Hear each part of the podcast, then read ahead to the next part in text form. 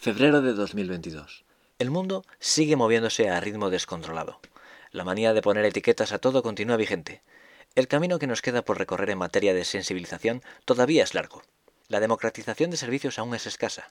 Todavía luchamos para que nuestro entorno sea accesible para todas las personas, sean cuales sean sus cualidades físicas y mentales. Aún estamos en proceso de construir una vida en la que todas seamos independientes. Así que bajemos la marcha y reflexionemos. Es urgente.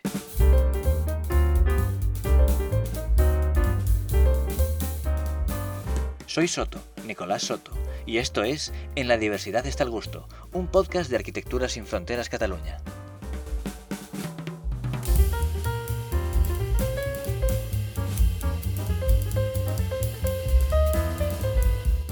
Hoy escucharéis a Marta, que entre otras muchas cualidades que la definen, también es madre de Beth, una niña de 11 años que, entre otras muchas cualidades, también tiene una de elección en el cromosoma 6, una mutación genética que le causa diversas afectaciones que se van viendo a medida que va creciendo. Por ahora le cuesta saltar y correr, pero puede desplazarse. Su expresión oral es lenta y su velocidad a la hora de entender también. La afectación de Beth no tiene nombre y eso, a veces, le supone un problema. Esta es su historia, aunque solo la representa una pequeña parte.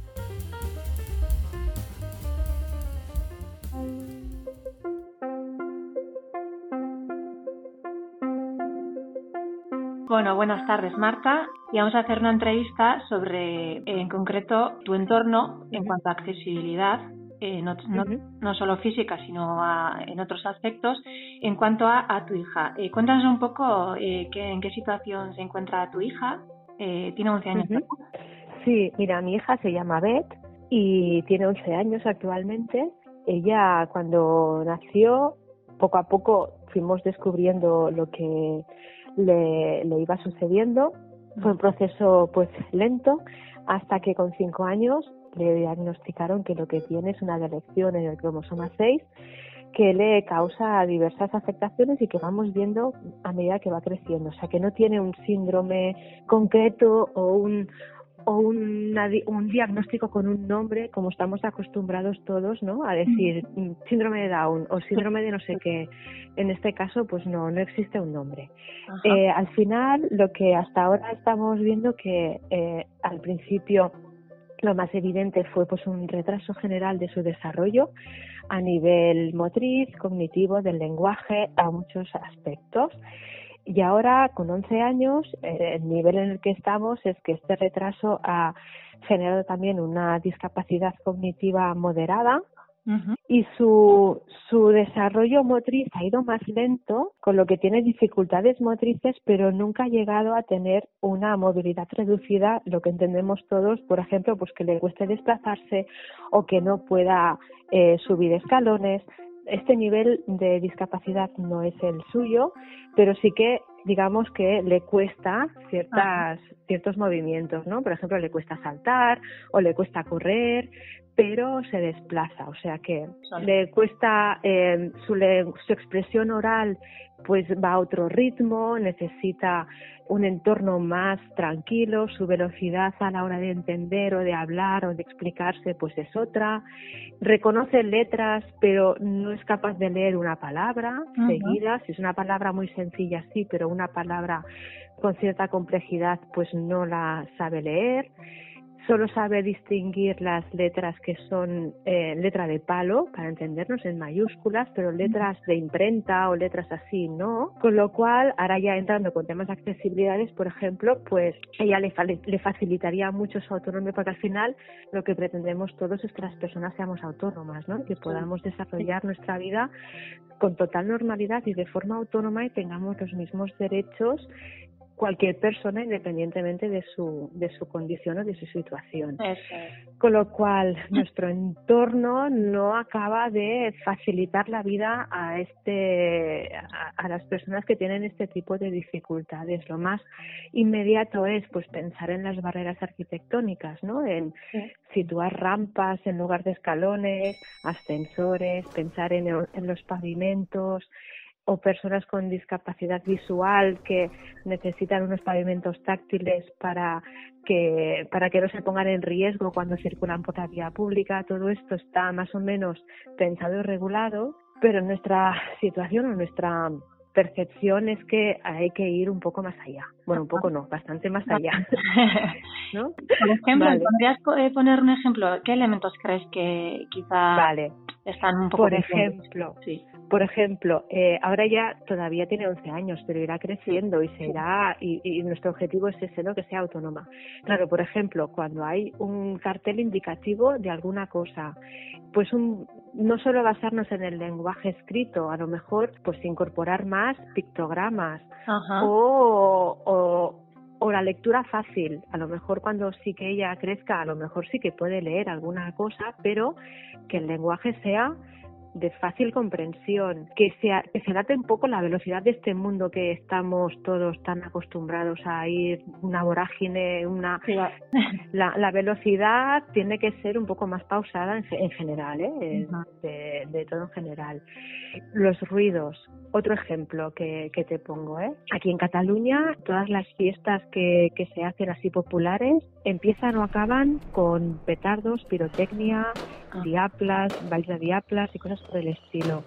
Eh, o fuego, ¿no? Eh, si no estamos al caso que eso va a pasar, ella se asusta de una manera mm, descomunal, o sea, siente un pánico atroz porque no entiende qué es lo que está pasando. Ajá.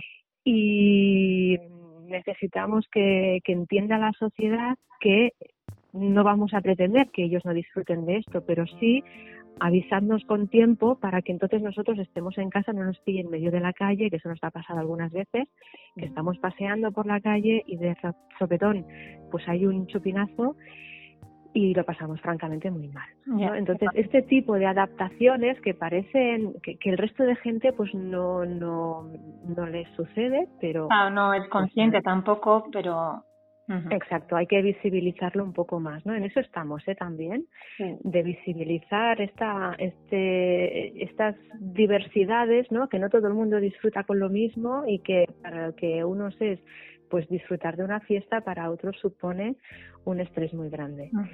No sé, pensaba más en temas eso de pictogramas, de facilitar, eh, pues, lectura fácil, una comprensión sencilla de las, de las indicaciones, Aquí es un campo interesante porque ya hay mucha hay, hay muchas posibilidades para ir para ir avanzando, ¿eh? ya hay cosas, ya hay herramientas, pero pero sí, hay se puede avanzar muchísimo más. Y luego otra cuestión de las que preguntabais en el cuestionario, que preguntabais también sobre la adaptación de servicios como por ejemplo deportes o ocio, cultura.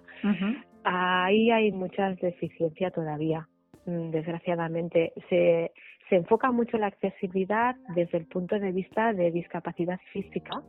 Por ejemplo, por ejemplo, en, en, el Club Natación de nuestro pueblo, pues hay, han montado un grupo para personas con discapacidad, pero está enfocado a personas con discapacidad física. No está enfocado a personas con discapacidad cognitiva o con otro tipo de diversidad funcional. Con lo que, eh, bueno, este enfoque pues todavía cuesta y tenemos que ser las familias o las propias personas que se encuentran en esa situación que reclamen y que visibilicen y a veces cuesta porque cuesta mucho de, de, de reclamar, ¿no? Tenemos que empoderarnos también las propias claro. familias y decir, oye, pues, ¿por qué no se nos ofrece también este tipo de servicios?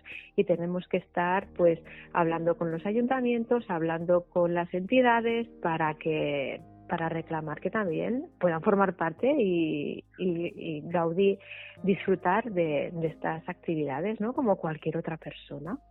Exacto. Y eso es un, es un esfuerzo, ¿no? Y una, un desgaste constante. En la cultura igual, a veces pues los espectáculos son o demasiado largos, aunque sean enfocados para público infantil.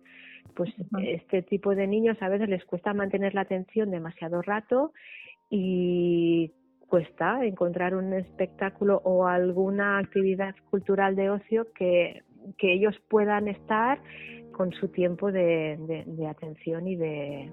Sí, y, y, digamos en esta lucha, eh, vosotros, por ejemplo, la vuestra familia, ¿os veis eh, con apoyo, os veis solos, os veis, eh, no sé, porque supongo que es pues una lucha colectiva y claro, muchas veces pues... Sí, pues cuesta, cuesta encontrar un, un apoyo. Precisamente, pues estamos este último año intentando organizarnos las diferentes familias que nos hemos ido conociendo y que estamos en situaciones similares, pues para hacer más fuerza entre todos, porque uno solo es más difícil, ¿no? Que, que si te organizas un poco. Y bueno, y en ello estamos. Sí que, claro, en nuestro caso, al no tener un, un síndrome claro o una pues estamos un poco huérfanos porque no hay una fundación, por ejemplo, ¿eh? lo que se me viene más a la cabeza y más inmediato, ¿no? La Fundación Síndrome de Down, que se organizan y que tienen muchos recursos y nosotros no tenemos un, un nombre, una etiqueta, un, ¿no? Es, es como más, cuesta más todavía. Me gustaría preguntarte sobre el lenguaje que se utiliza con este colectivo, porque bueno, hemos tenido un pequeño debate ahí en el curso también sobre cómo dirigirnos a, ellos, ¿no? Y a ellas. Entonces, pues se ha ido, se ha oído de todo. Antes se les llamaba, pues, de una manera bastante despectiva y ha ido un poco evolucionando, ¿no? Eh, en tu opinión, ¿cómo, o sea, cómo deberíamos llamarles, por ejemplo, a tu hija? No sé si la palabra discapacidad, eh, em, en tu opinión. No no las define realmente es, es un es un debate muy interesante porque estamos acostumbrados a poner nombre a todo no y al final pues pues no sé si hace falta ponerle nombre a todo. A lo mejor sí que nos hace falta pues para conseguir pues ciertas mm, subvenciones o ciertos derechos y reclamarlos. Pero es el mismo debate que podríamos decir sobre qué es normal y qué no o al final la, la reflexión la hemos hecho también muchas veces y nos gusta más hablar de las capacidades que tiene cada persona que no de, sus limitaciones o de sus o de sus características diferentes a las del resto. No sé, eh, yo pondría el foco en la, en la capacidad de cada persona, que realmente mm, todos tenemos capacidades muy importantes y, y, es cuestión de verlas, valorarlas y de fomentar, sobre todo, de, fomentar que cada persona pueda desarrollarse con al máximo de su potencial y, y, de ser eso, de ser persona y poder tener los mismos derechos que el resto. Es que es, es, es, es muy difícil poner un nombre o una etiqueta o un que al final lo tenemos que hacer porque vivimos en sociedad y nos tenemos que relacionar. Hostia, os, os, felicito por este tipo de reflexión porque nosotros hemos hecho esta reflexión importante pues a raíz de tener esta, de vivir esta situación, pero si no la vives, y esta es otra cuestión también importante, que intentamos hacer un poco de pedagogía de esto, ¿no? Pues porque el resto de personas que no han tenido que hacer esta reflexión, no es que no la hagan porque no tengan interés, es que no, han, no se han visto en esa necesidad, ¿no? Pues de hacer esta reflexión también en general y de visibilizarlo, porque, pues, pues, pues eso, porque todos tenemos nuestra capacidad, todos tenemos que estar y, y formar parte de esta sociedad, ¿no? Bueno, que, también pensamos que, que el tema de la inclusión es importante para intentar evitar tener que incluirnos, porque todos tendríamos que estar ya de por sí incluidos y formando parte de la sociedad, no unos en un lado y otros en el otro, porque seamos diferentes, ¿no? O sea que el término inclusión también le hemos estado dando bastantes vueltas nosotros desde este punto de vista y decir, ostras, parece como muy injusto que tengamos que incluirnos, es que ya tendríamos que estar incluidos, es que ya formamos parte de la sociedad, necesitamos visibilizarlo más y que no haya esta esta diferencia de que como somos diferentes unos a un lado porque nos incomoda o porque o porque requiere más esfuerzo bueno pues sí cada uno requiere el esfuerzo que, que necesita no no unos en un ámbito y otros en otro.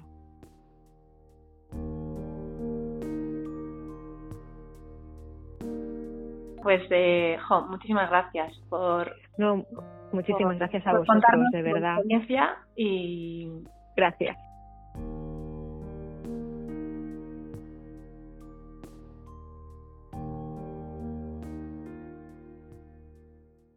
Hoy habéis escuchado el último episodio de En la diversidad está el gusto.